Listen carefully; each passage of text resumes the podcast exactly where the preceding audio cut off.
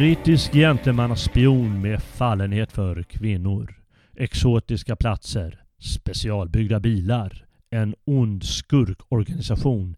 Hisnande actionscener. Dry martinis. Den senaste tekniken samt sköna och ofta fala kvinnor.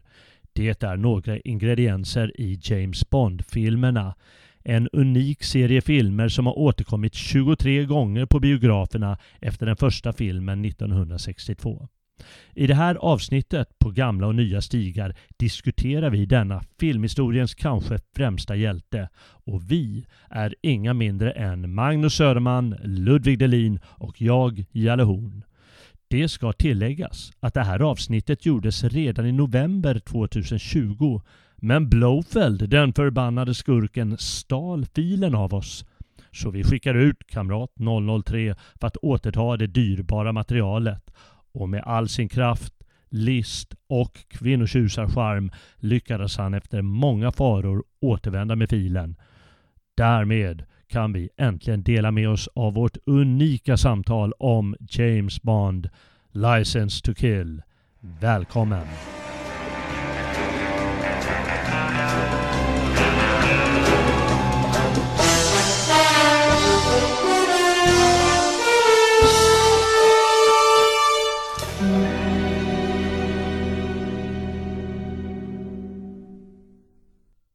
Välkomna agenter! Tack så mycket. Tack så mycket. Ja, vilket, vilket nummer har ni på eh, er agentur? Uh, jag är nummer 777.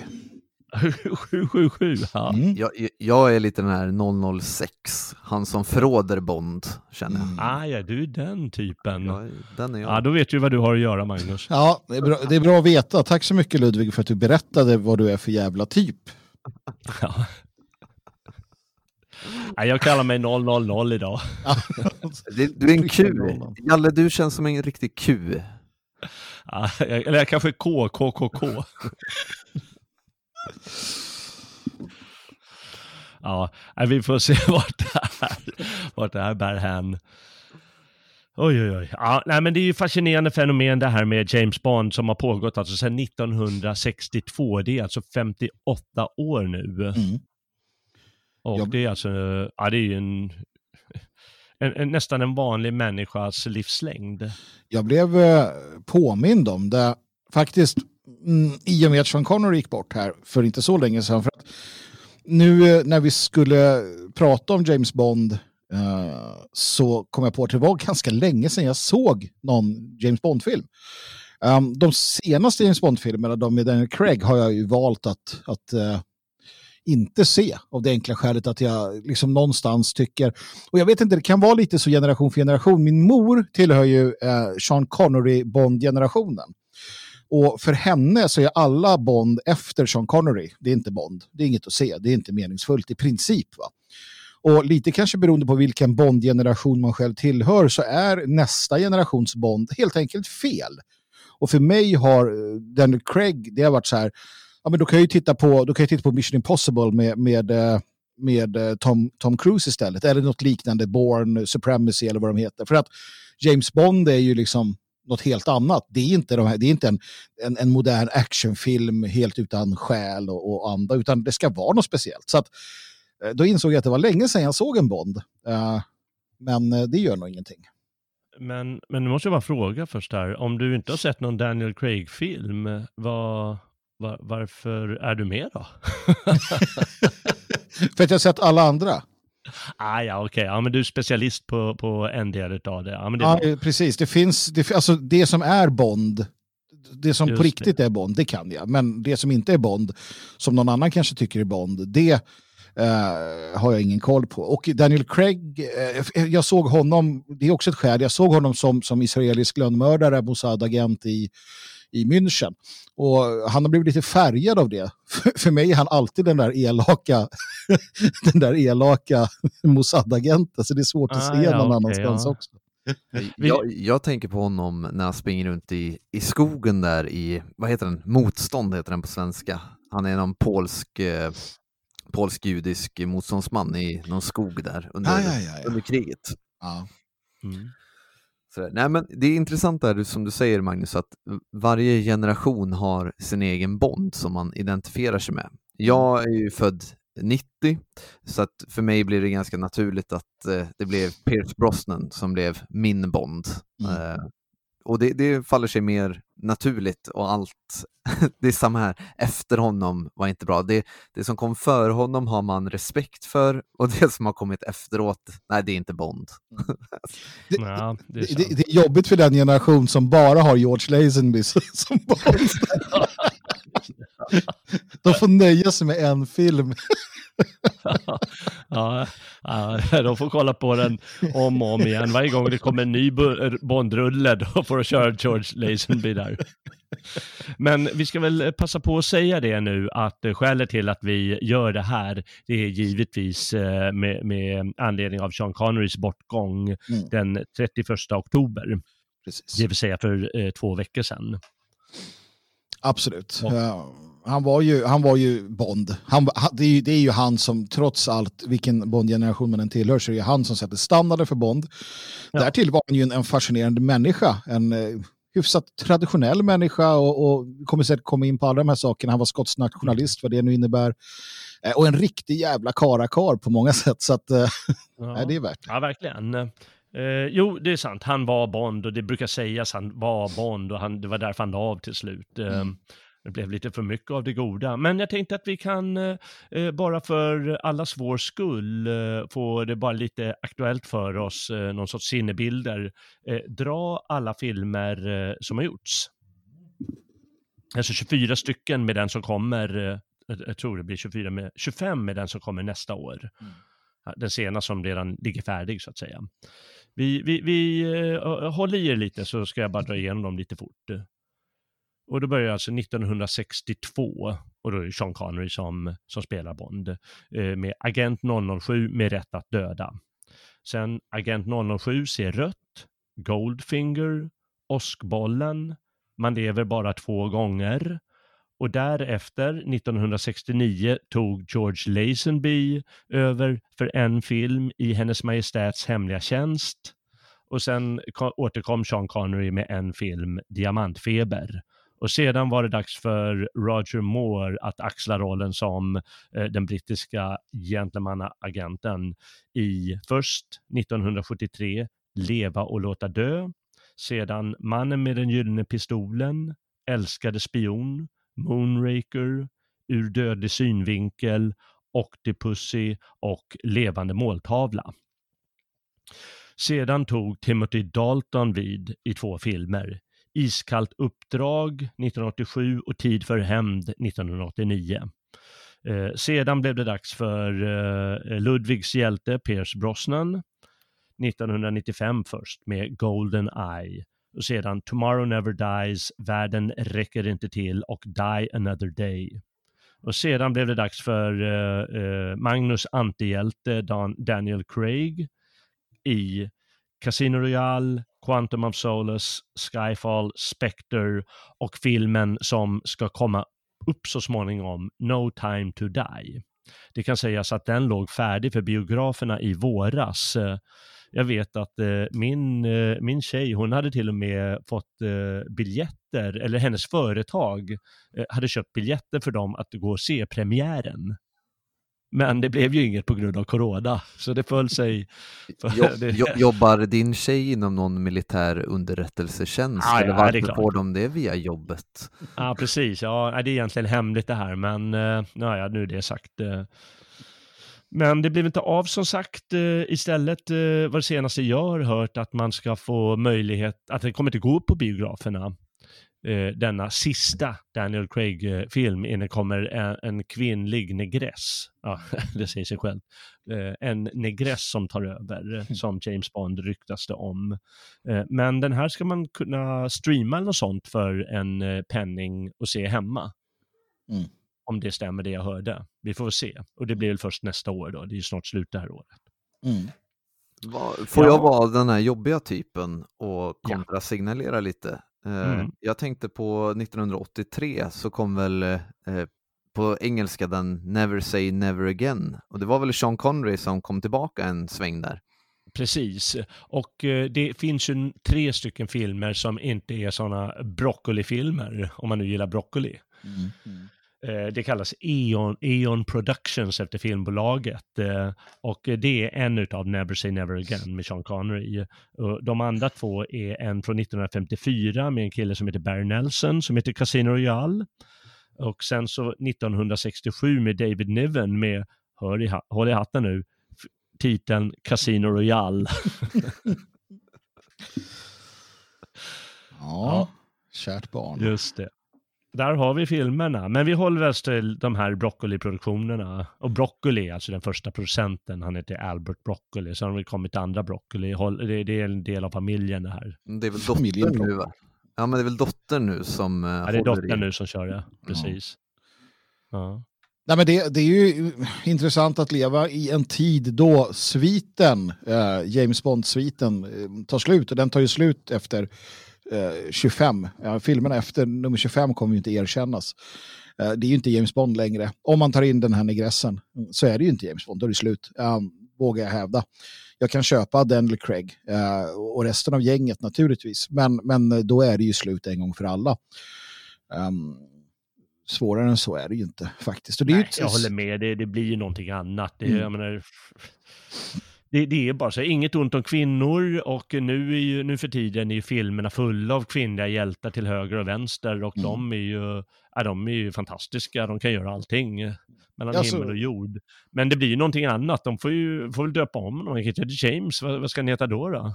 Nej men alltså saken är ju den eh, att, att uh, inget, vare sig ont om kvinnor, negresser eller liksom att, att uh, utveckla filmer, men det är som, som Netflix som kör Enola Holmes numera.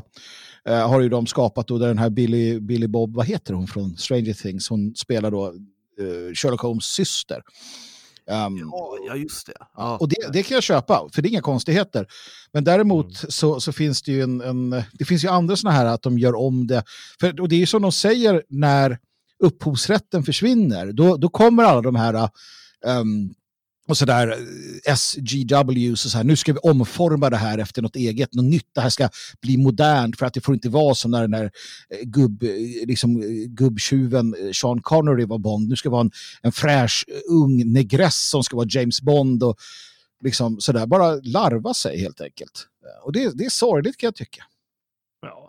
Ja, ja, vi får se vad, vad den här kommande generationen verkligen tycker. Vi, eh, vi, de har inte ens kommit än, så Nej, vi behöver inte lägga så mycket fokus på det. Jag tycker också att det är synd, men det kanske är dags att, att lägga honom i graven, James Bond. Det kanske, är, kanske är över. Det får väl ha nya hjältar, den nya generationen. Alltså, det nej, jag nej. Jo, nej, han ska läggas i graven. Nej, jag tycker inte det. Jag tycker att Bond ska fortsätta så som vi vill ha honom. Alltså som den här eh, liksom, traditionella gentlemanna, alltså, vad, vad de, alltså, de på vänstra sidan säger, alltså den här sexistiska eh, mannen som vill ha sin martini på ett visst sätt. Alltså det finns eh, någonting robust i en allt föränderlig värld att han finns kvar. Det är därför jag tror vi blir så upprörda också att man byter ut honom mot en kvinnlig negress. Nej, men han finns ju kvar. Han finns ju kvar i, i Sean Connery, han finns kvar i George Lazenby, han finns kvar i Roger Moore, han finns kvar i Tim Dalton, han finns kvar i Pierce Brosnan och för den som vill då Daniel Craig. Och då kan man se om och om och om igen de här filmerna istället. Däremot så skulle du, ska du förflytta James Bond till vår tid, då har du ju bara två val. Antingen gör honom till någon jävla tönt eller gör honom till någon, någon som är aktiv motståndare mot detta och, och går sin egen väg och, och liksom kör på stenhårt. Fast i modern tid, det här att glida runt i smoking och dricka martini, det, det händer ju inte. Så att, nej, jag har svårt att se att, nej, jag tycker att det är bättre i sådana fall att ha kvar de här som, som är och inte göra något mer av dem om man inte kan göra det rätt.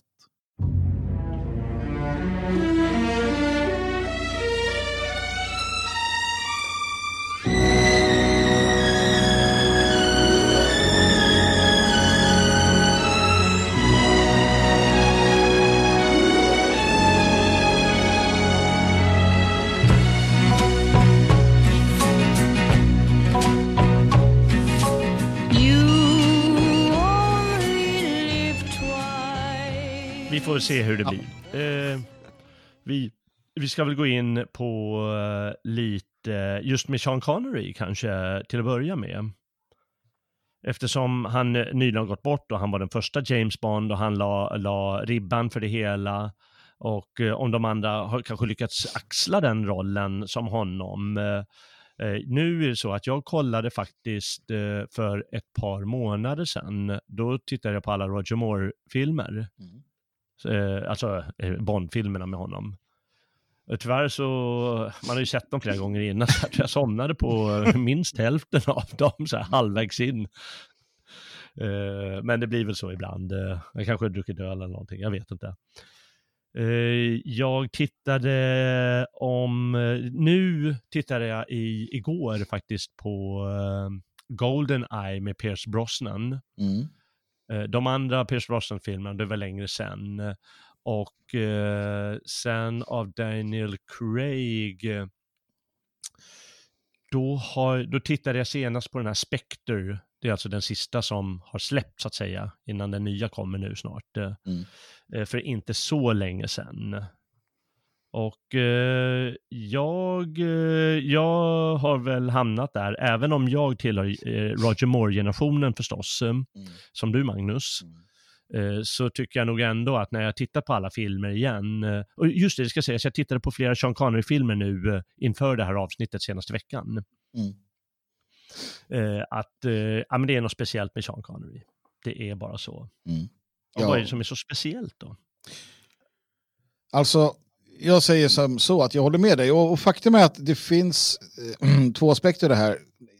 Roger Moore och hans James Bond, den är mer för barn. Det är mer en barnfilm. Eh, alltså, jag tittade på den när jag var ganska ung. Och, och Moonraker och de här. eh, Alltså, dels är det väldigt fantasifullt, det är fantasifulla skurkar och sådär. Men han Mm. är också mycket roligare. Han, han, och han tar ju med sig eh, helgonet in i James Bond. Mm. Eh, utan tvekan. Och han gör det till en... Det är inte på samma nivå som Condor Man, som är något helt annat. Eh, jag vet inte, ni har säkert inte ens sett den. Men, men alltså, det är en mycket mer skämtsam... ehm, jag vet inte om den är mer eller mindre våldsam, det har jag faktiskt ingen minne av. Men, men den är roligare, det är mer serietidning. Eh, medan eh, Sean Connery, det är mer actionfilm, mer seriöst. Mer kalla kriget, mer verkligt någonstans. Um, det är väl det, det jag ser som, som stor skillnad. Att uh, Sean Connery ändå är skådespelare. Han är, ju, han är ju en duktig skådespelare som gestaltar den här personen i sin tid. Och hela den biten finns där. Medan då Roger Moore, det är, det är ja, enligt mig då mer uh, serietidning helt enkelt. Ja, jag skulle nog tycka att Sean Connery någonstans utstrålar verkligen där, alltså Flemings, Ian Flemings, alltså James Bonds författare som skrev Mm. böckerna. Han utstrålar verkligen den karaktären oerhört väl och sen just att han är eh, skotte gör att det höjer liksom nivån väldigt mycket som man inte ser efter det på samma sätt. Även om man har tagit britter liksom i efterhand och sådär. Men eh, det är något speciellt med hans aura. Alltså han, han har det här mer patriarkala, mer eh, menefrego, alltså uppseendet liksom mot allt och alla. De andra, i mitt fall, jag tycker att typ eh, Roger Moore verkar ju vara mer eh, ja, mer fläng. Lite som Magnus säger, det blir lite roligare, inte lika seriöst. Sean Connery, är ju- han är ju seriös bara han dyker upp någonstans. Men gammal, Ja. gammal kroppsbyggare, liksom, lite liksom råbarkad buse. Alla övriga, förutom Daniel Craig, då, är ju mer feminina i sin framtoning. Mycket mer fe- feminina. Ja, verkligen. Så är det. Eh, Det är rätt stor skillnad. Han var ju amatör-bodybuilder som du sa. Mm. Och han var okänd skådis när, de, eh, när han fick chansen. De, de valde ju bort ett par stycken, Mm. brukar ju bli så när man gör, eh, gör filmer, att det funkar inte med de där. Och så eh, funkade det med honom, så han var ju helt okänd. Han hade knappt gjort någon film innan. Mm. Och så kom han där, oj oj oj. Och eh, det där med att de andra är mer feminina, det måste man verkligen säga. Jag har skrivit här att eh, han känns väldigt viril, eh, Connery. Att han utstrålar någon form av självklar, alltså fysisk självsäkerhet med kvinnorna, med drinkarna, med banditerna som han slåss med och så vidare. Medan de andra spelar Mm. självsäkra. Mm. Och eh, eh, den här eh, virila agenten. Men han är det verkligen. Mm. Och det han, tycker jag är rätt stor skillnad. Ja, och det, det märks ju i det privata också. Jag menar, han, han spöade ju upp någon, någon äh, gangster som kom med någon pistol på en inspelning och, och skulle hota upp honom och sådär. Han var ju en helt annan kaliber som människa som Connery. Och det tar han med in. Uh, och det är därför han fungerar så väldigt bra i, i de filmerna. Nu ska det inte bli för mycket Sean Connery, men alla, alla filmer han är med i har ju liksom haft det här i princip. Jakten på Röd Oktober och till och med den sista Mami där han är liksom, det är lite samma men han, han, han klär ju väldigt bra i de rollerna. Svårt att se han göra så mycket annat faktiskt. Uh, än det han har gjort. Ja. Man kan se det lite, om man kollar lite hur, uh, hur de är mot kvinnorna. Mm. Så är han, han är alltså lite ruffig. Mm. Alltså han tar dem i armen så här, han rycker dem till sig. Ja, ja. Så här, här håller Och det, det är väl en, en stil de la sig till med ganska tidigt med, med honom och lät vara. Mm. Och, det fungerar. och Roger Moore, han är lite annorlunda. Han är inte alls lika så här, eh, och om man drar dem till sig, ja, då, då, ser man direkt att det är, ja, men han gör så som en skådespelarakt. Mm.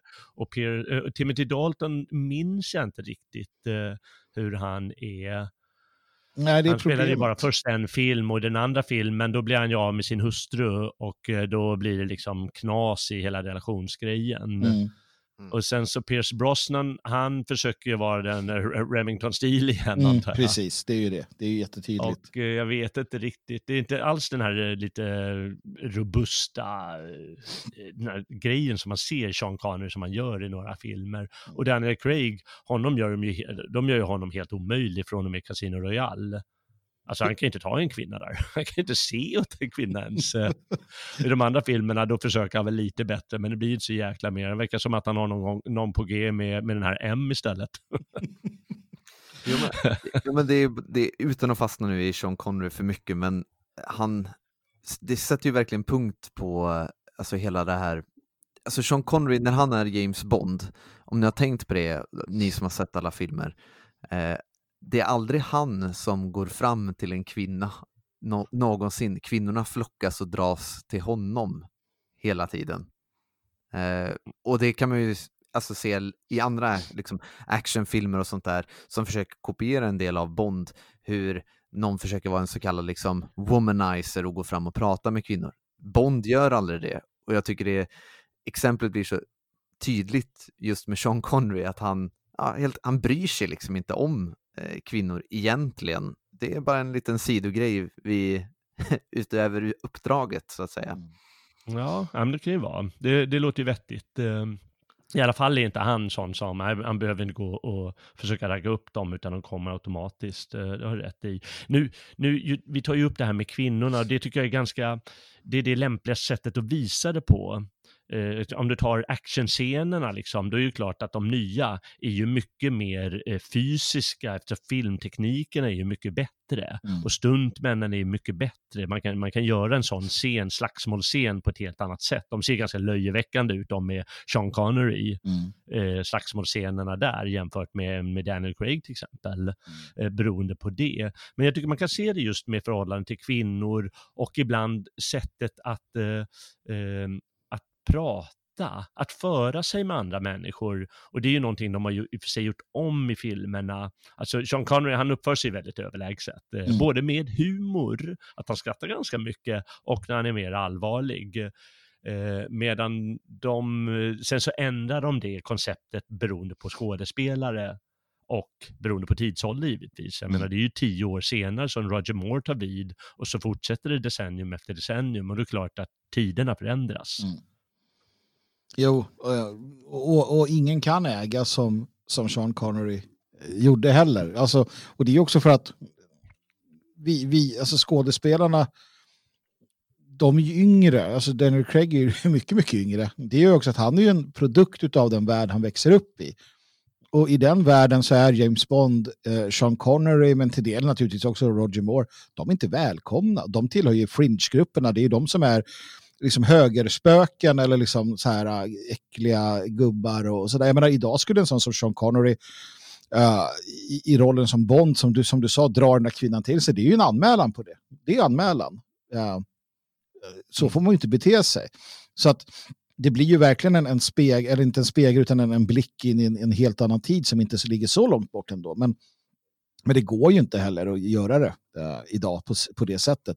Och där någonstans försvinner ju, nu har inte jag läst eh, Ian Flemings böcker, men som sagt, det, det känns som att Sean Connery är den, den, den korrekta återgivningen av det som Fleming skriver om. Och Eh, sen har ju det litterära James Bond också ändrats. Det har ju skrivits åtskilliga böcker efter Ian Flemings död. Så att mm. det får fötter helt enkelt. Eh, jag, eh, jag tror inte att det riktigt är så. Jag tror att, jag, jag mm. håller med i grunden du säger, men däremot tror jag inte, jag tror att han var lite missnöjd, Ian Fleming, mm. med Sean Connery. just för att han är, han, är, han var ju playboy, ah, ja. Sean mm. Connery. Mm. Och eh, han hade nog tänkt en person med mer finess. Eh, Alltså, ja. Li, inte sådär, ja men tjena tjejen, ja, du kommer med mig här ungefär. Mm. Utan eh, mer en liksom, mer brittisk finess eh, än Sean Connery var. I och för sig. Eh, men, men i filmens värld så tycker jag i alla fall att han, att han lever upp till det där ändå bättre. Just på grund av den här självsäkerheten som han ändå utstrålar. Mm. Ja, ja, och inte bara spelar. Du har, rätt, du har säkert rätt. För att när, man, när jag tänker efter, Ian Fleming med rötterna inom brittisk underrättelsetjänst eh, skriver om en brittisk agent i MI6. Eh, vad han får är en skotte, eh, en vild skotte som är liksom gammal bodybuilder och, och lite så här slagskämpe. Jag förstår att han inte är helt nöjd faktiskt när man tänker på det på det sättet. Ja, Naja, det kan, det kan vara som det är, men det är lite synd det där, för en sak med, nu vet jag inte hur det var på 60-talet, men när man ser det i backspegeln så är ju James Bond väldigt icke-PK. Mm. Det hör ju till hans natur, att, alltså, han har ju rätt att döda, så han har ju rätt att sätta sig över lagen på sätt och vis. Eh, men, eh, men även när det gäller det här med att eh, hålla regler eller bryta regler, förhålla sig till kvinnor, eh, dricka drinkar mitt på dagen han känner för, det gjorde man för sig på 60-talet, eh, att han, han utstrålar någon sorts icke-PK, att han, han skiter i sånt, eh, han, han står bortom det. Men ju närmare vår egen tid kom, vi kommer, då är det som du säger att det är omöjligt att, eh, då blir man antag, eh, anmäld för eh, våldtäkt mm. och andra saker om man skulle bete sig på det sättet som man gjorde för 60 år sedan. Mm. Och då tappar man ju konceptet James Bond på vägen någonstans i så fall tycker jag. Precis. Ja, och vi får inte glömma att kritiken mot James Bond som kom på 60-talet kom framförallt från konservativt håll, där man oroade sig för att man idealiserar någon som har rätt att döda och, och levde rövare ungefär. Det är inte så en, en statstjänsteman skulle bete sig. Eh, var liksom de, och Vatikanen gick ut och var också extremt oroad och nu kan vi se med senaste Bondfilmen som, som släppte, Spectre som släpptes va? Då fick, mm. De eh, gjorde en recension på det i, i Vatikanens tidning, den Observatorio, eller vad den heter, mm. eh, och fick två stjärnor mm. faktiskt. Två och stjärnor? Den, ja, den skulle inte ha varit så dålig då. Eh, sådär. och de andra har fått en halv eller? Nej, de har inte ens recenserat Bond.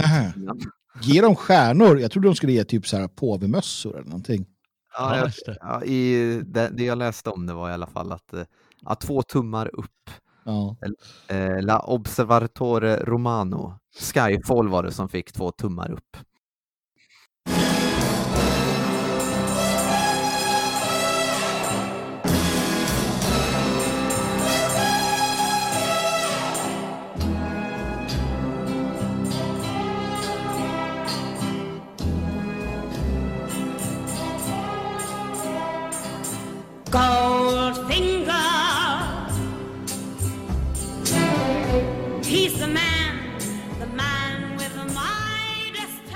Ja, hur, hur ger ni, eh, vilka filmer får, får de här upp, tummarna upp av er då? Vilka är de, eh, de bästa filmerna, ja, tycker ni? Det är enkelt. Det är enkelt. Uh, ja. Goldfinger med Sean Connery, Moonraker, Roger Moore. Uh, Moonraker, på riktigt. Ja, för då han i rymden och jag minns, jag minns hur mycket jag älskade det som, som liten pojk, att han hamnar i rymden med Jaws och, och, och slåss och hamnar. Sen har ju den också en Mandela-effekt i, i den. eh, filmen, vilket gör det hela ännu roligare. Eh, för att det var så länge sedan jag såg den och att, att, eh, ja, de har, att den har förändrats eh, med tandställningen där. Men eh, Moonraker, absolut. Eh, och sen då Goldfinger med Sean Connery. Sen är också, ja, nej, men det är de bästa, absolut. Ja, de två. Okej, okay, och du Ludvig? Jag skulle nog slå ett slag för, alltså, Goldfinger och Åskbollen, de ligger mig ganska nära hjärtat. Sen eh, Tomorrow Never Dies faktiskt. Just för att den, alltså vi har den onda, onda killen är ju han Carter, mediamogulen som hetsar krig. Det finns någonting eh, evigt i det här att den som styr eh, den som styr nyheterna kan skapa krig mellan stormakter och sådär. Det, det finns något där. Okej, okay. ja. Eh, jag får också slå ett slag för Goldfinger och det ska sägas eh, att Goldfinger, det var, det kan man kalla den första Bondfilmen. Mm. För de två, det, det är då konceptet Bond kommer. De har, de har liksom ändrat lite i filmen. I, I första två filmerna då är det mer liksom en, det är som en vanlig agentrulle. Det är bara att han är lite mer classy med tjejerna och sådär. Men, men från och med där kommer liksom alla moment med Bond in. Mm. Eh, skurken är mer, han, är liksom, han står ett snäpp högre helt enkelt på skurkskalan, han blir det. Och eh, han har den här eh, extrema skurk, eh, eh, vad ska man kalla det för, medhjälparen i den här Oddnob, eller vad heter han? Oddjob, Oddjob. Ja, men det är ju, Oddjob är så bra. Det, det är det som gör Goldfinger så jäkla bra, att du har, Gold, att du har liksom han, och sen som sagt medhjälparen dyker upp Oddjobb, ja. Oddjobb. Och det är så kul att de gör den. ja, verkligen. Han, han, sköter dem och är en sån här elak som fan med sin hatt där. Och det är ja. liksom, där börjar det hända James Bond-saker. Det, det, finns den här skurken redan i filmen. Förut finns det liksom en sån ultra-arier mm. som heter Kronstein eller något sånt där. Mm. Kronsten är ju en svensk, uh, han är, han är liksom stor och stark och, och ordentlig, men det är liksom inte en sån ultraskurk eller Nej. ultramördare. Och sen har de även den här början i Goldfinger, tror jag, introduktionen då han uh, gör något speciellt, uh, mm. jag kommer inte ihåg vad. Och så är det liksom, det, det, blir mer Bond med den filmen jämfört med de två tidigare. Och jag tycker den är väldigt bra också. Mm. Han, han, han, han är ju väldigt karakarig i den också. Mm. Han, han, får ju till och med Pussy Galore att eh, omvända sig eh, sexuellt. Eh, Precis. Från, från, att vara, eh, från att vara eh, vad heter det, homosexuell till hetero. Inga dåliga bravader. Nej, det är inte illa det är inte. Eh, sen, sen vet inte jag vilken Roger Moore-film jag egentligen tycker är bäst. Det är svårt att säga. Det är väl eh, antingen är det väl Älskade spion eller Moonraker, men det var nog för att jag lyckades nästla mig in på biografen då när jag var minderårig. Mm. jag var under 15 så att säga. Mm. Och eh, det var ju en upplevelse för oss, eh, för oss barn. Men jag kan inte säga något. Jag tyckte faktiskt att eh, eh den här Timothy Dalton-filmen, Iskallt uppdrag, var väldigt bra. Mm, Dalton var Men han är duktig. lite träig som Bond. Ja, men mm. De, alltså Daltons två Bond-filmer måste ju vara de mest underskattade Bond-filmerna. De är ju bra. Ja, det är de. Okej, okay. alltså, jag tyckte den andra var dålig. Eh, ja, men, båda är bra. Båda är bra. Okej, okay, båda är bra. Sen så är jag lite dålig på Brosnan. Eh, jag måste se om dem, så jag vågar inte uttala mig vilka av dem som är hyggliga. Daniel Craig, det är ju knepigt. Eh, de har ju återgått till en ny, alltså en mer ruffig Bond där. Det var mm. ju planen, det är ju helt uppenbart. Men han är så jäkla bortkommen när det gäller det här finessrika spelet. Och det har ju lite med gjort det så, men jag tycker det blir jättekonstigt. Men jag tycker det är ganska bra actionfilmer, eh, till exempel Quantum of Solace tyckte jag var bra, en bra actionfilm. Ja, men det är ju det det blir, reducerat till en actionfilm. Han är, det är en slägga, det är inte alls den här liksom, nej, det, det, du kan lika gärna titta på vilken sån där äh, actionfilm som helst. Eh, ja, nu har jag sagt det igen. Ja, Å andra sidan, eh, Sean Connery-filmerna är ju det är ju ändå 60-talet och jag menar, filmen den blir ju annorlunda och annorlunda. Det är inte ja. så mycket action i dem, så de, de, är ganska lugna i jämförelse med de som kommer från och med kanske mitten av 80-talet där. Mm. Ja, nej, men så är det ju. Så är det. Det, blir, det bygger de ju på. Men, och det, det är intressant för att de bygger på men det är lite samma om du tittar nu, väl den äldre, men om du tar Hitchcock-produktionen, tar eh, Bates Motel, där, vad heter den, Psycho och sådär. Det, det händer ju inte, det är inte mycket som, det händer ju ingenting i de här gamla filmerna. Men de, de, de får det att hända genom dialog och genom liksom, hur de filmar och genom smarta saker. Idag, om jag ska liksom sticka ut hakan, regissörer och manusförfattare är så jävla dåliga att de måste, att de måste trycka på med, med specialeffekter. Eh, för, för 20, 30, 40, 50 år sedan så var de smartare, gjorde bättre filmer, eh, var tvungna att vara mer ja, tänka på andra sätt för de hade inte specialeffekterna. Tittar du på, tittar du på den sista Transformers-filmen, den är fyra timmar lång och det är tre timmar superspecialeffekter. Liksom. Eh, eller Godzilla eller vad du vill. Liksom. Det är liksom hjärndött någonstans. Det är bara coolt för att man gillar Transformers eller Godzilla. Okej, okay, ja. ja. men det kanske är lite, lite hjärndött. Uh, sen så använder, tycker jag de kör lite mycket med det här, uh, själva M-organisationen, MI6 som är farozonen och så vidare. Men uh, ja, de måste väl hitta på sina grejer, stackarna. Men jag håller med att det är coolt med, med dialogen och uppförandet och, och så hos Sean Connery, även Roger Moore många gånger. Ja, men det är ju det som man blir lite besviken på. I alla fall jag när jag såg eh, eh Craigs Bondfilmer det är att de försöker ta det och göra alltså Bond personlig. Man försöker göra honom mer människa än innan genom att han har personliga problem och han, han sitter där i sitt slott och är lite deprimerad och sådana här saker. Det är, inte ja. riktigt, det är inte riktigt den Bond vi vill se. Nej, du har rätt. De försökte det redan eh, 1969 eh, med den här George Lazenby-filmen, som för övrigt vissa anser är den absolut bästa och andra anser den absolut sämsta. Så det är ett knepigt läge med den filmen, men då gör de ju också att han, har, att han gifter sig och hon dör. Mm. Ja. Och eh, då, redan då försöker de, men jag tycker också det är ett misslyckande, för han är ju en arketypen då. Precis. Att man försöker dra ner honom på jorden och säga att ja, men han är egentligen från Svedala och körde epatraktor när han var 16. Jag menar, det blir bara löjligt.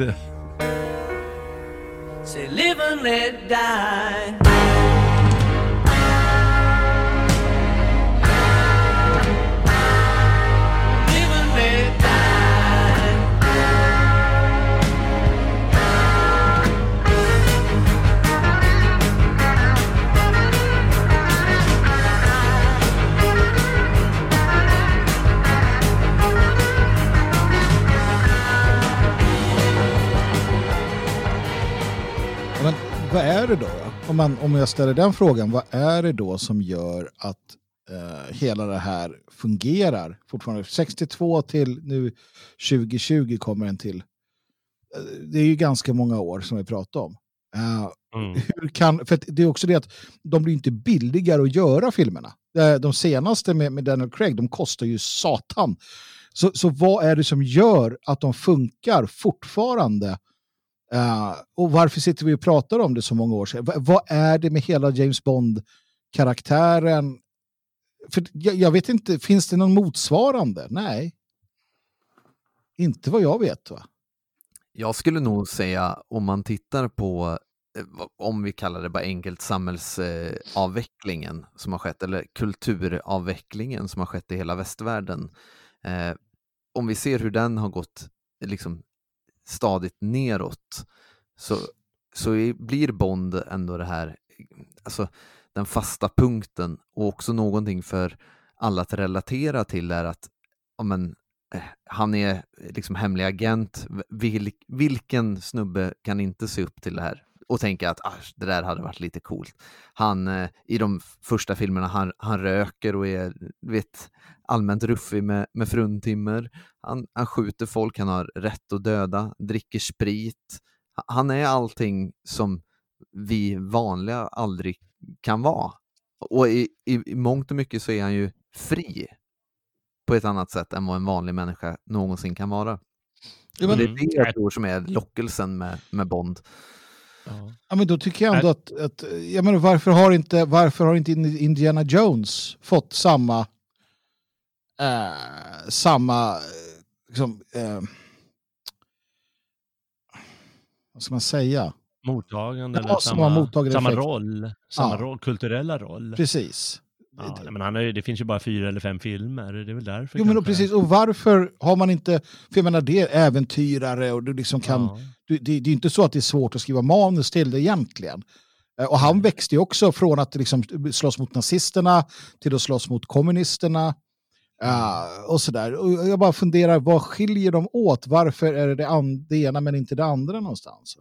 Ja, men det skulle nog, det skulle kanske gå. Det är väl mest att det har blivit så med James Bond. Men Mm. jag tror Ludvig är helt inne på rätt sak att eh, menar, alla tider behöver ju arketyper, de behöver myter, Mm. eh, de behöver sagor och så vidare. Och då fyller ju han eh, eh, en väldigt eh, viktig roll i och med att vi inte, vi sitter ju inte vid lägerelden och berättar de här myterna Mm. om Vattnesbarn eller vem nu kan vara för varandra längre. Mm. Och eh, då sitter vi och pratar Bond, eh, eh, Bondfilm istället. Eh, han, han, jag tror att det, det är en viktig, ett viktigt behov vi har. Och kanske Indiana Jones skulle kunna ha blivit det, men nu blev det ju bara fyra filmer. Mm. Jo, nej, det är klart. Det är klart. Det är väl det, är väl det, det är väl en del tur, en del hur, liksom, hur, hur, hur stjärnorna står i allt sånt där också. Um, Ja, jag skulle nog säga att det var framförallt när det kom. Alltså om vi ser på 60-talet och filmen är, alltså actionfilm är relativt nytt. Eh, och det kommer upp en sån som James Bond och så har du liksom biografen i eh, Hedmora eh, så dyker James Bond upp. Det blev det enda man kanske såg för väldigt många i hela västvärlden ganska tidigt. Och det var det man associerade med actionfilm, Mm. var James Bond. Och så matade man ju på med filmer och byggde hela den här sagan. Mm. Eh, Jag tycker också att, jag tror att det ligger också mycket i det, att jag menar, de gjorde ju väldigt många filmer på 60 och 70-talet. Mm. Mm. Det Liksom, det kom ju var och varannat år. Och det betyder att, jag menar, genom att göra så, så skapade de legenden. Ja, Utan att riktigt veta om att det var det de gjorde. sant. Eh, eh, men... Eh, ah, nu tappade jag det. ja, men nu skulle jag ju säga något intelligent och så flög det iväg. Ja, det är som vanligt, då får vi bara babbla på då helt enkelt. Ja, det babblade på här lite. Jag har ett, bara ett så här inbryt. Vi pratade lite om att Ian Fleming inte kanske var helt nöjd med hur Bond eh, blev på film. Mm. och jag hittade här, ni, vet det här, verkar, verkligen det här James Bond, det här att han vill ha sin Martin eh, shaken, not stirred. Mm. Mm. Eh, alltså i, i boken så är ju eh, det, det är väldigt mycket längre här. Det fick jag faktiskt lära mig nu när jag satt och eh, preppade lite in- inför det här avsnittet här nu. Eh, det är ju jättelångt, alltså det han vill ha egentligen. Det är inte det här bara att den ska vara skakad liksom. Det är ju rena ingrediens, alltså inköpslistan skulle jag vilja säga. Alltså, Ja men det är ja, men så här, om, om ni tål min liksom, engelska så här, så beställ Ja. i, i boken, i kapitel 7 i Casino Royale så beställer han en, en dry martini, he said. One, in a deep champagne goblet. Oui, monsieur. Just a moment. Three measures of Gordon's, one of vodka, half a measure of China Lillet. Shake it well until it's ice cold. Then add large thin slice of lemon peel. Got it? det, det är ursprungligt. Just det, just det. Ja. Ja, men det är han har- lite, lite kul. krav. Men en sak som är med det här det är ju att, att James Bond är väldigt mycket en prylsport. Ehm, och, och det blir väl det ju längre tiden går också. För att eh, nu har vi pratat James Bond och vi har pratat hur han är, men du har ju också det här eh, som han tillhör då, MI6 och, och eh, där vet faktiskt inte jag om Ian Fleming skriver om de här eh, Q på det sättet med de här riktigt spacade som bara blir mer och mer spacade ju längre tiden går prylarna eh, som James Bond har att tillgå. För det blir ju en riktig prylsport med bilar som fan ta mig kan göra gud vet vad. Ja. Det är också en, Ja, en det, bärande del. Man kan byta nummerplåt på en Aston Martin. Ja, just det. Ja, Ja, det det är ju göra. så häftigt. Det är vilka grejer. Ja, nej men det, det var faktiskt det jag ville säga, att eh, det är också ett skäl till att eh, James Bond har blivit James Bond och det är att eh, de, de måste hela tiden gå i teknikens framkant. Både vad gäller de här prylarna och allt som finns i den. Men som du sa, eh, jag, du gillar Moonraker. För att han ger sig ut i rymden till slut. Ja. Och, och behärskar det och liksom det är hela tiden framkanten av vad vi eh, åstadkommer tekniskt här i västerlandet Mm. eller i hela världen. Eh, och då blir ju det ett, eh, en lockelse för folk att titta på. Ah, James Bond händer häftiga grejer och han har de här bilarna som eh, kan göra det och det och det, det blir en sak i sig. Vilket gör att man återigen kan skapa filmer bara för den lilla sakens skull. Eller skriva böcker om Ian Fleming nu hade de delarna i sig. Det är ju ganska roligt det här med Q och, och han, hans små manicker som ska användas i filmen. Ja, ja, det var ju det. Det minns jag ju när, när det kom en ny James Bond när, när Polan polaren sa det att ah, men nu har jag liksom, ja, vi har hyrt den senaste Bond, eh, kom över, Moviebox chips uh, och allting. Då tänkte man ju det, ah, vad, har han, vad har han nu då? Vad är, vad är det den här gången? Eh, för att jag, jag var alltid besviken över att han enkom använde en Walter PPK.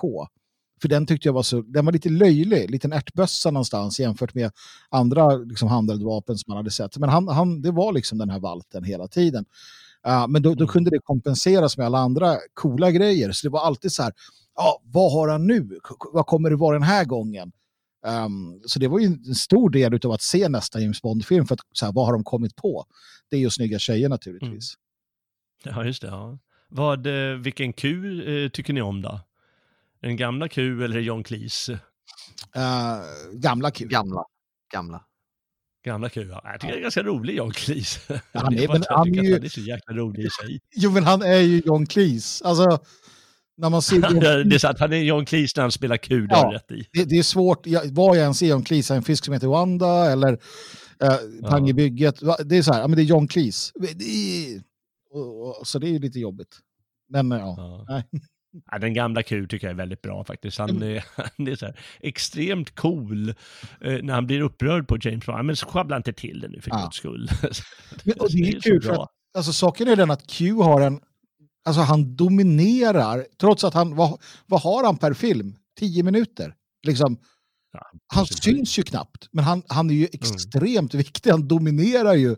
Speciellt som när han är riktigt gammal och står där och är liksom, jag tycker han är så skön.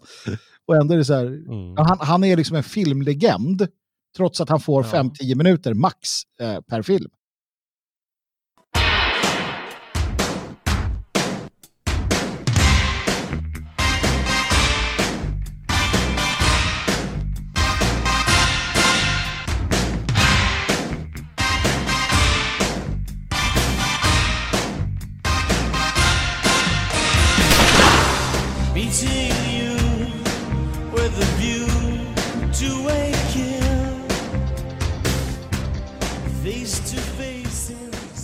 Säga om de stående karaktärerna? Vi har ju det James Bond förstås, men sen så är det M och så är det Q och så är det Moneypenny. Eh, är det någon mer? Den där Felix Leiter, honom kan vi glömma, hans egen. Ja, ja, nej. Men Nej, vad men- ska vi säga om det här stående personal, personalet? Ja, men Jag tycker det är kul att de, att de, eh, att de har det. Eh, Sen blev man ju, jag blev besviken, de ändrade ju M till någon, någon brud där eller vad det var.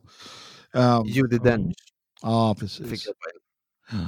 Men okej, man kan ju köpa att det är liksom M är en, en titel som sådär. Eh, Men det jag tycker är kul är att de ändå har en del eh, skurkar som återkommer. Jaws till exempel. Ja, det också.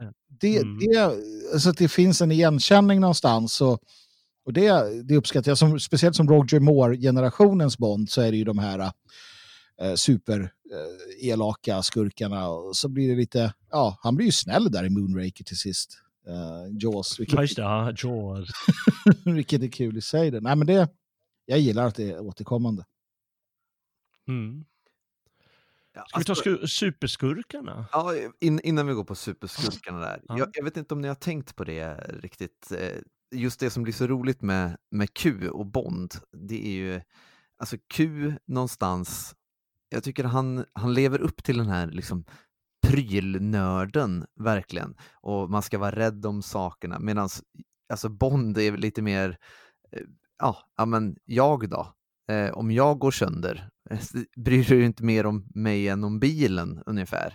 Mm. Ja, liksom I never joke about my eh, inventions 007. Eh, alltså, men- Som där när han nyser i, det är Sean Connery som nyser i bilen eller vad det är han gör. Eh, det är när han har Aston Martin där som kan skjuta ut eh, personer. Mm. Eh, och jag tycker det är ganska, det är ganska talande någonstans när vi, om vi återkommer på det här liksom arketypiska liksom grejerna och teman så är det att han kan använda sig av tekniken men han låter sig inte det stiga ur huvudet. Även fast han har en klocka som skjuter laser så eh, är han inte beroende av den utan Nej. Bond är ändå människa i, i den bemärkelsen. Det är det mänskliga som tar framåt, inte tack vare tekniken. Det är inte Iron Man här som är värdelös utan sin dräkt liksom. Ja. Nej, men det, det, det har du rätt i. Det tycker jag också är, är, är kul. Att när det kommer till kritan är det ändå hans, hans karaktär som, som åstadkommer eh, vinsten mot skurkarna. Inte de här tekn- tekniska grejerna han har. Och de, det är faktiskt, jag tycker det är trevligt att de har skapat det här konceptet med, med, med mycket humor kring de här tekniska detaljerna och, eh, och förstås många repliker som de eh, kastar ur sig när någon dör eller något sånt. eh. Eh, he was shocked. eh, Mm. Eller något sånt där när de eh, eh, får elchocker och, och så vidare. Eh, men, men att de använder, han har, han har, de har de här humoristiska tonen till varandra, Q och Bond, eh, Mm. när de snackar om sådana här viktiga saker och om de här tekniska prylarna. Det, det, det gör att de, de, som du säger, de står över det här tekniska och det, det både gör dem män- mänskliga men också höjer dem till, till himlens nivåer på de vänster. Mm. Men vad sa vi nu? Superskurkarna Ja. eller superskurkarna? Skurkarna? Vad, eh, vi, vi har ju både dels då, alltså själva hjärnan som, som Goldfinger och sen så deras, eh, eh, deras mördare som Oddjob. Vilka, vilka skurkar är det ni fastnar för? Vilka ser ni framför er först? Blowfeld. Det Ja, finns Blofeld. Blowfeld. Ja, det är Blowfeld. Ja, Han har ju varit rullstolen och katten alltså. Ja, men han, och han är ju verkligen, eh, och det är ju också därför han, det är ju, han är ju sinnebilden i efterhand har han blivit, sinnebilden för en superskurk. Det är hon, honom. Och, och det, det tas ju upp i många andra filmer där man ska, du vet, sitta och klappa en katt, lite psykopatiskt. Eh, det, det, har ju, det återkommer ju nu i jättemånga sådana här, eh, dels parodier men också, ja men det har blivit det. Alla, alla vet det. Sitter jag om, om Ludvig kommer till, till kontoret och jag sitter och klappar en katt och tittar på honom så här, då, då, är ju det en mem någonstans som många känner till, för det är Blowfeld. Uh, så Mm. därför finns han där och han, det är liksom skurken över skurken. Sen, kan, sen kanske jag tycker att en, en sån som Goldfinger är liksom, den är smart och rolig och bra, men, men Blowfeld finns ju med hela tiden. Jag skulle vilja säga så här, eh, inte en explicit skurk, men där man får lite liksom, ja det här är skurkarna. Och det, nu ska vi komma ihåg att Bond är mycket under kalla kriget och det är att man automatiskt associerar ryssar med, med onda människor. Alla som har lite rysk accent, så här, okej, det här är en skurk. Ja, är det sant? Eh, Ja, An, herregud. annars, Nej, han, annars en som jag inte kan släppa, det är ju ganska modern. eh, vad heter skurken? Ja, det är i Världen räcker inte till eh, med Pierce Brosnan, med han som har en kula i huvudet. Eh, också ryss, eh, ska ju tilläggas och sådär. Eh, pratar lite ryska och man rör sig i ryska miljöer. Han dyker upp som en, en, en skurk. Även han som spelade Hitler i en film, vet jag. ja, ja. ja, Ibland är det ju den här Blowfeld-skurken och ibland är det ryska generaler. Mm. De, de, de finns för många, i många filmer. Men jag tycker de är coola skurkarna, Mm. måste jag säga. Ja, men de lyckas ju. Du har ju generalen där, general, eh, vad heter han, Orlov dyker ju upp Mm. ibland. I uh, Octopus tycker jag att det är bra. Alltså Octopus är en bra film, generellt. eh, med, med, när de, det är Indien de är, va? Och du har Kamal Khan och, och du har Orlov och sen har du den här någon mördare som är elak och någon snygg tjej och sådär. Ja, Men den, Mm. den är liksom, det är en, det är en helhet. Den är, den är ju riktigt bra. Men, men som sagt, vissa av de här, de återkommer ju också. Som, som, och det är, Blowfeld är ju den som, som mest, som återkommer flest gånger. Och mördarna, Jaws, han är väl med två gånger va? Och sen vet jag inte. Mm. Men sen vet jag inte. Nej. Har väl, Vilka har vi mer än Oddjob och Jaws som är så här väldigt utmärkande? jag tänkte säga Britt Ekland, men Mm. Mm. Det är väl de som är mest utmärkande, tror men det är väl också för att de, alltså Jaws har ju sina tänder och Oddjob har ju sin hatt. Och det är Mm. det man minns dem av, för, eller för. Har de andra haft någon speciellt utmärkande sätt att ta äh, fiender av daga? Det är ju frågan. Nej, jag tittade på Goldeneye igår och då är det ju en ga, ett galet fruntimmer som eh, suger musten ur dem när de ska gå i sänghalmen. Fast hon, hon, hon gör det på annat sätt. Ja, ja. Tar livet av dem. Men det blir alltid lite överdrivet eh, med en eh, kvinna som är så modisk och så framgångsrik med sitt mördande. Ja, fast en som, en, där har, en, en som jag också dyker upp, det är ju Grace Jones. Ja, det, För ja. hon är ju både Bond, hon blir in- inte Bondbrud på det sättet, men lite Bondbrud samtidigt som hon är då mördaren, ja, Just hantlangaren. Ja. Hon faller för honom och hjälper honom då på slutet menar du? ja, jag tror att det blir något sånt, ja. Mm. Precis. Men ändå, för att hon är ju också, när, när kommer det, vilken är det? Alltså, nu kommer jag inte ihåg, det är ju Roger Moore, det är, de flyger en zeppelinare va? Eh, Ja. är väl den, och hon är väl ganska lättklädd och så här gänglig och, och sparkar och slåss. Mm. Eh, ja, hon sticker ut lite, det är för att hon är negress också såklart. Eh, Det är väl, ja. Ja, det är levande måltavla tror jag. just det, så är det. Nej, men för Mm. henne kommer jag också ihåg just för att hon, ja, hon sticker ut så pass. ehm, gör ett bra jobb. Ja, det är sant. Ja. Men det är inte Jaws nivå tycker jag i alla Nej, fall. nej, nej, nej, nej, nej. Jaws, Jaws är ju toppen och sen Oddjob. Sen, jag kommer Ja. inte ihåg de andra. Och sen Grace Jones, jag kommer inte ens ihåg vad hon heter i filmen. Men, men eh, ja, nej, jag kommer inte ihåg någon annan skurk så sett liksom. Nej. ja, det är ju han Alec 006 i Goldeneye då, som man tänker lite på också, Mm. skulle jag vilja säga. Alltså. För där tar de ju in alltså just det här förräderi på ett sätt som man inte har sett tidigare i, i Bond, tycker jag. Eh, det är väl några överlöpare och så här som har varit innan, men där får man verkligen en känsla för eh, de är ju kollegor och, och vänner och ja, det, det blir så tydligt att han är förrädare liksom. Och det, det gör att man kommer ihåg honom i alla fall. Ja. Name's Bond. James Bond. See reflections on the water, more than darkness in the depths. Surface in every shadow. On the wind, I feel his breath. Golden eye, I found his weakness. Golden eye, he'll do what I please. Jaha, vi har ju en, en sak som återkommer också. Det är ju eh, musiken. Eh, dels är det ju förstås eh, temat, eh, James Bond-temat, men, eh, men själva låten som det alltid eh, börjar med, med eh, de här eh, scenbilderna som är så typiska för Bond-filmerna. Har ni, har ni någon uppfattning om det? Musiken? Ja, jag har aldrig tänkt på det på det sättet. Det är bara att det passar in och det är en helhet. Och det var alltid unikt. Alltså, det var också lite sådär förväntans... Även om jag retade mig som ung beca- because of short attention span, att det var det här långa in, in liksom, ja men du vet. Så, så var det ändå, eh, det var en del av helheten. När man satte igång filmen, det, först händer någon, den här scenen, någonting händer och sen så börjar det här eh, introt. Och det, är liksom, det, det ramar in upplevelsen.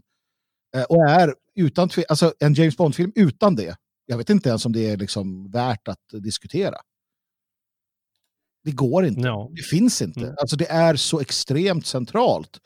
Um, så ja, nej det tycker Ja, jag. jag, håller, jag håller med. När jag sitter och tittar på det här med, med, med tjejen så brukar hon, hon, hon är också då ett otåligt barn som du, som du sa, nu, så hon vill spola förbi det här.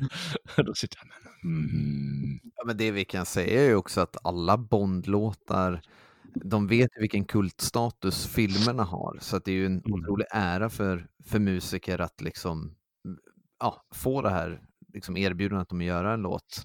Eh, verkligen, någon som verkligen har satt sig, det är ju Tina Turners Goldeneye liksom. Och, Mm. Sen vill jag även slå ett slag för Wings, den eh, Live and Let Die, som eh, Guns N' Roses gjorde cover på sen. Ja, just det. Ja.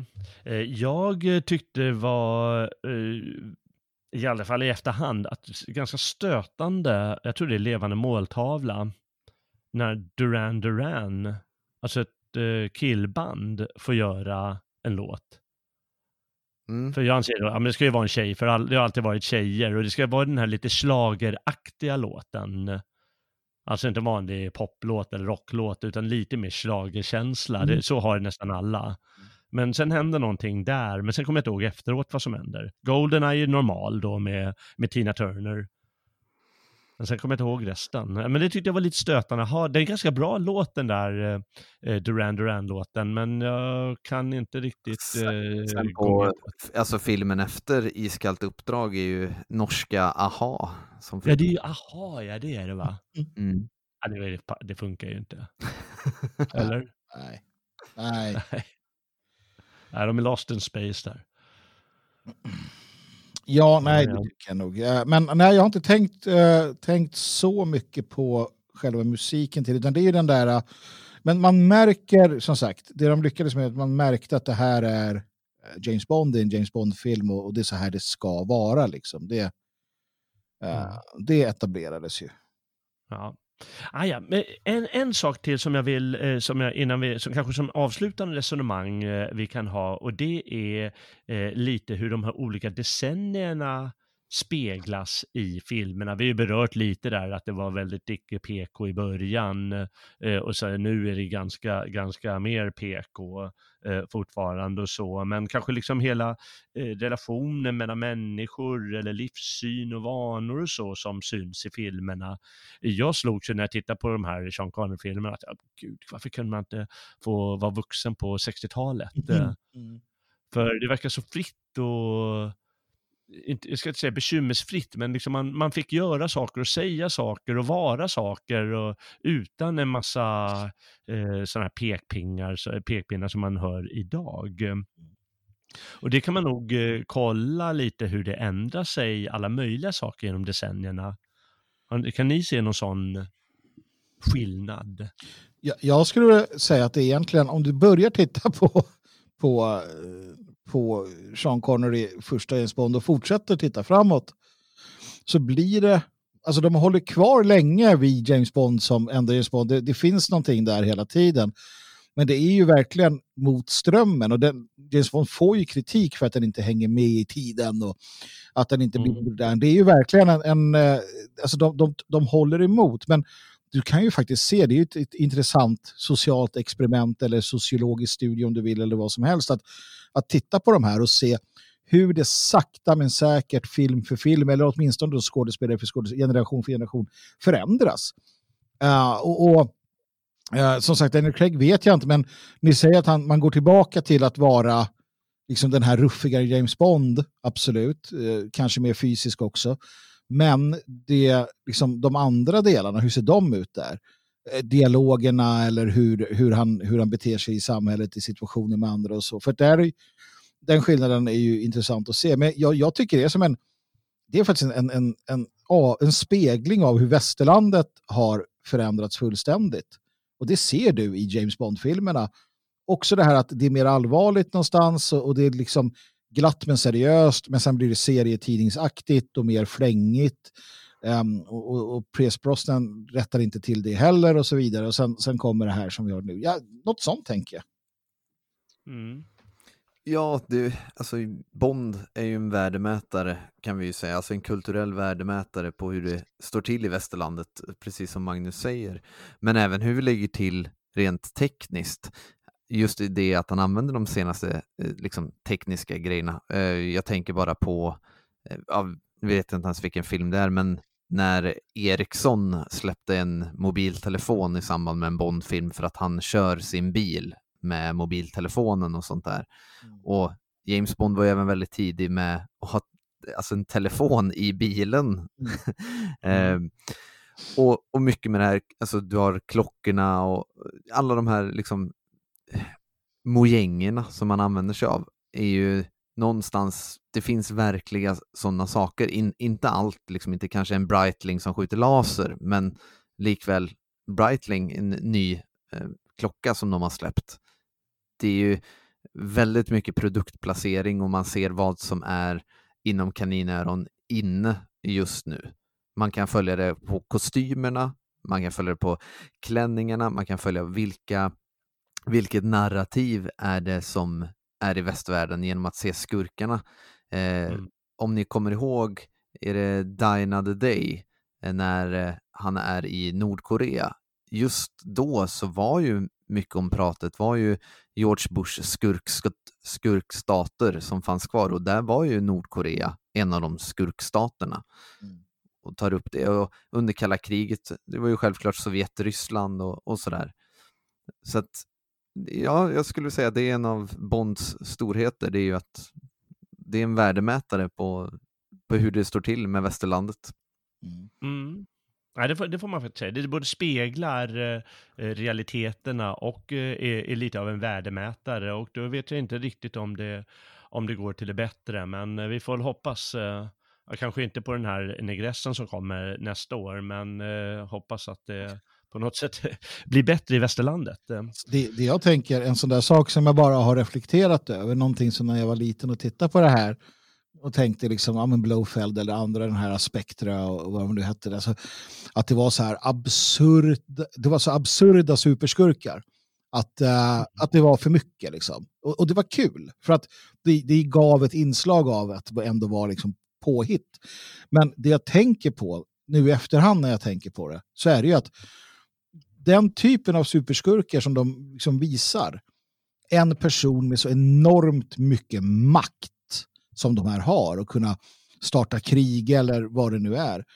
Eh, den typen av så här eh, världsomspännande organisation, eh, det finns ju idag. Alltså, jag kan ju se hur Zuckerberg och Facebook eller Google och liknande liksom konglomerat, de har ju all potential att vara på riktigt idag de här superskurkarna som 007 slåss mot.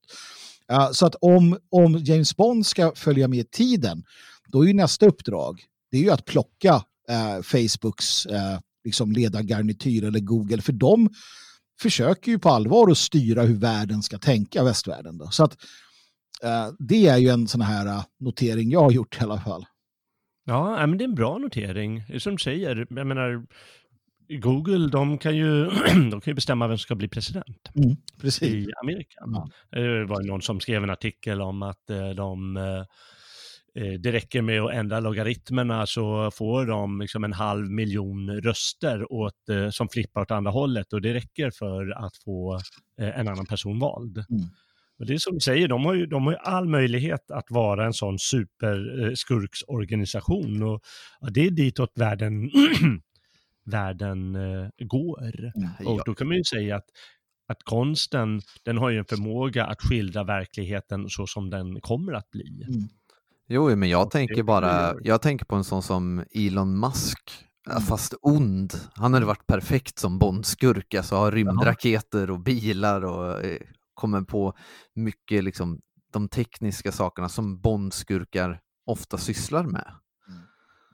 Att, Men det, det blir ju svårt för dem också. Nu får vi se, nu ändrar de då till en, en negress och sådär. Men hur ska framtidens Bondskurk se ut? Nu lever vi ju i, alltså någonstans, eh, det är ju som med all tidig science fiction och sådär. De hade ju lyxen av att så här, fundera på, ja, men, ja, du ska kunna titta på en skärm och prata med någon och titta. Och det var ju liksom så här, ja, det var science fiction när man började skriva i början på, eller ja, 50-60-tal liksom.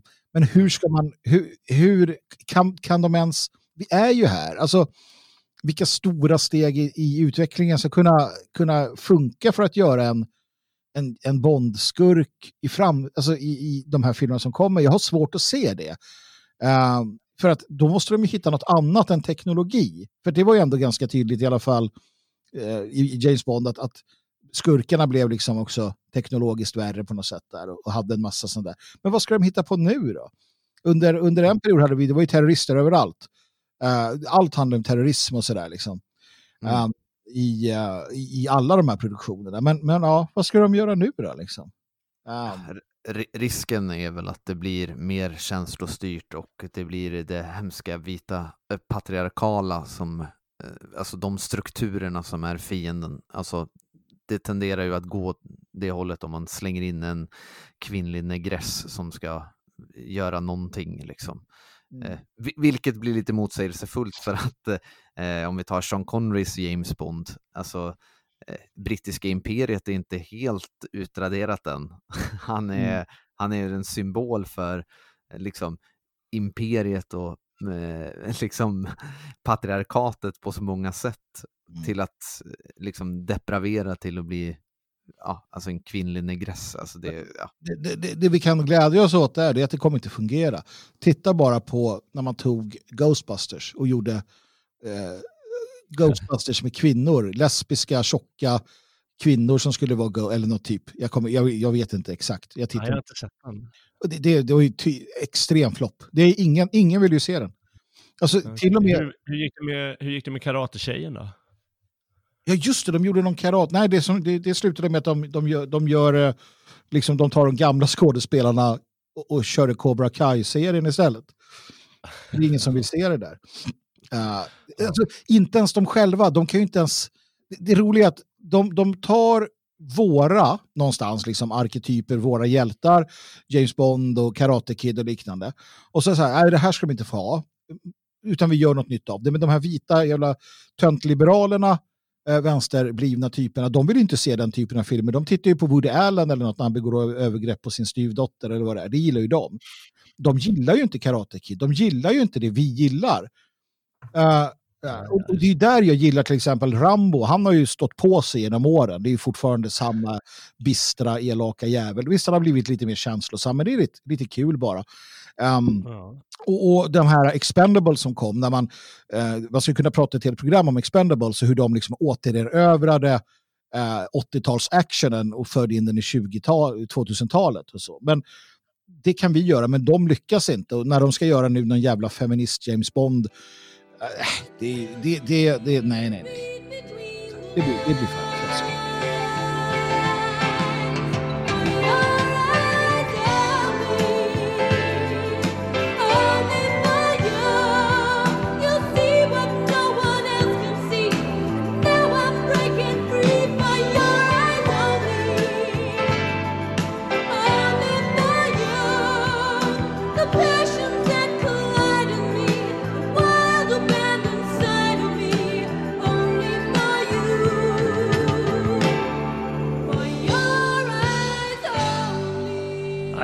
det får vi väl se då. Vi, eh, ja, eh, jag orkar inte ens tänka på det faktiskt. Men eh, som en sista grej, en allra sista grej. Vad hoppas ni på i eh, filmen från, från 2020 som redan existerar men som man kan se från och med nästa år? Vad, vad, vad hoppas ni av den?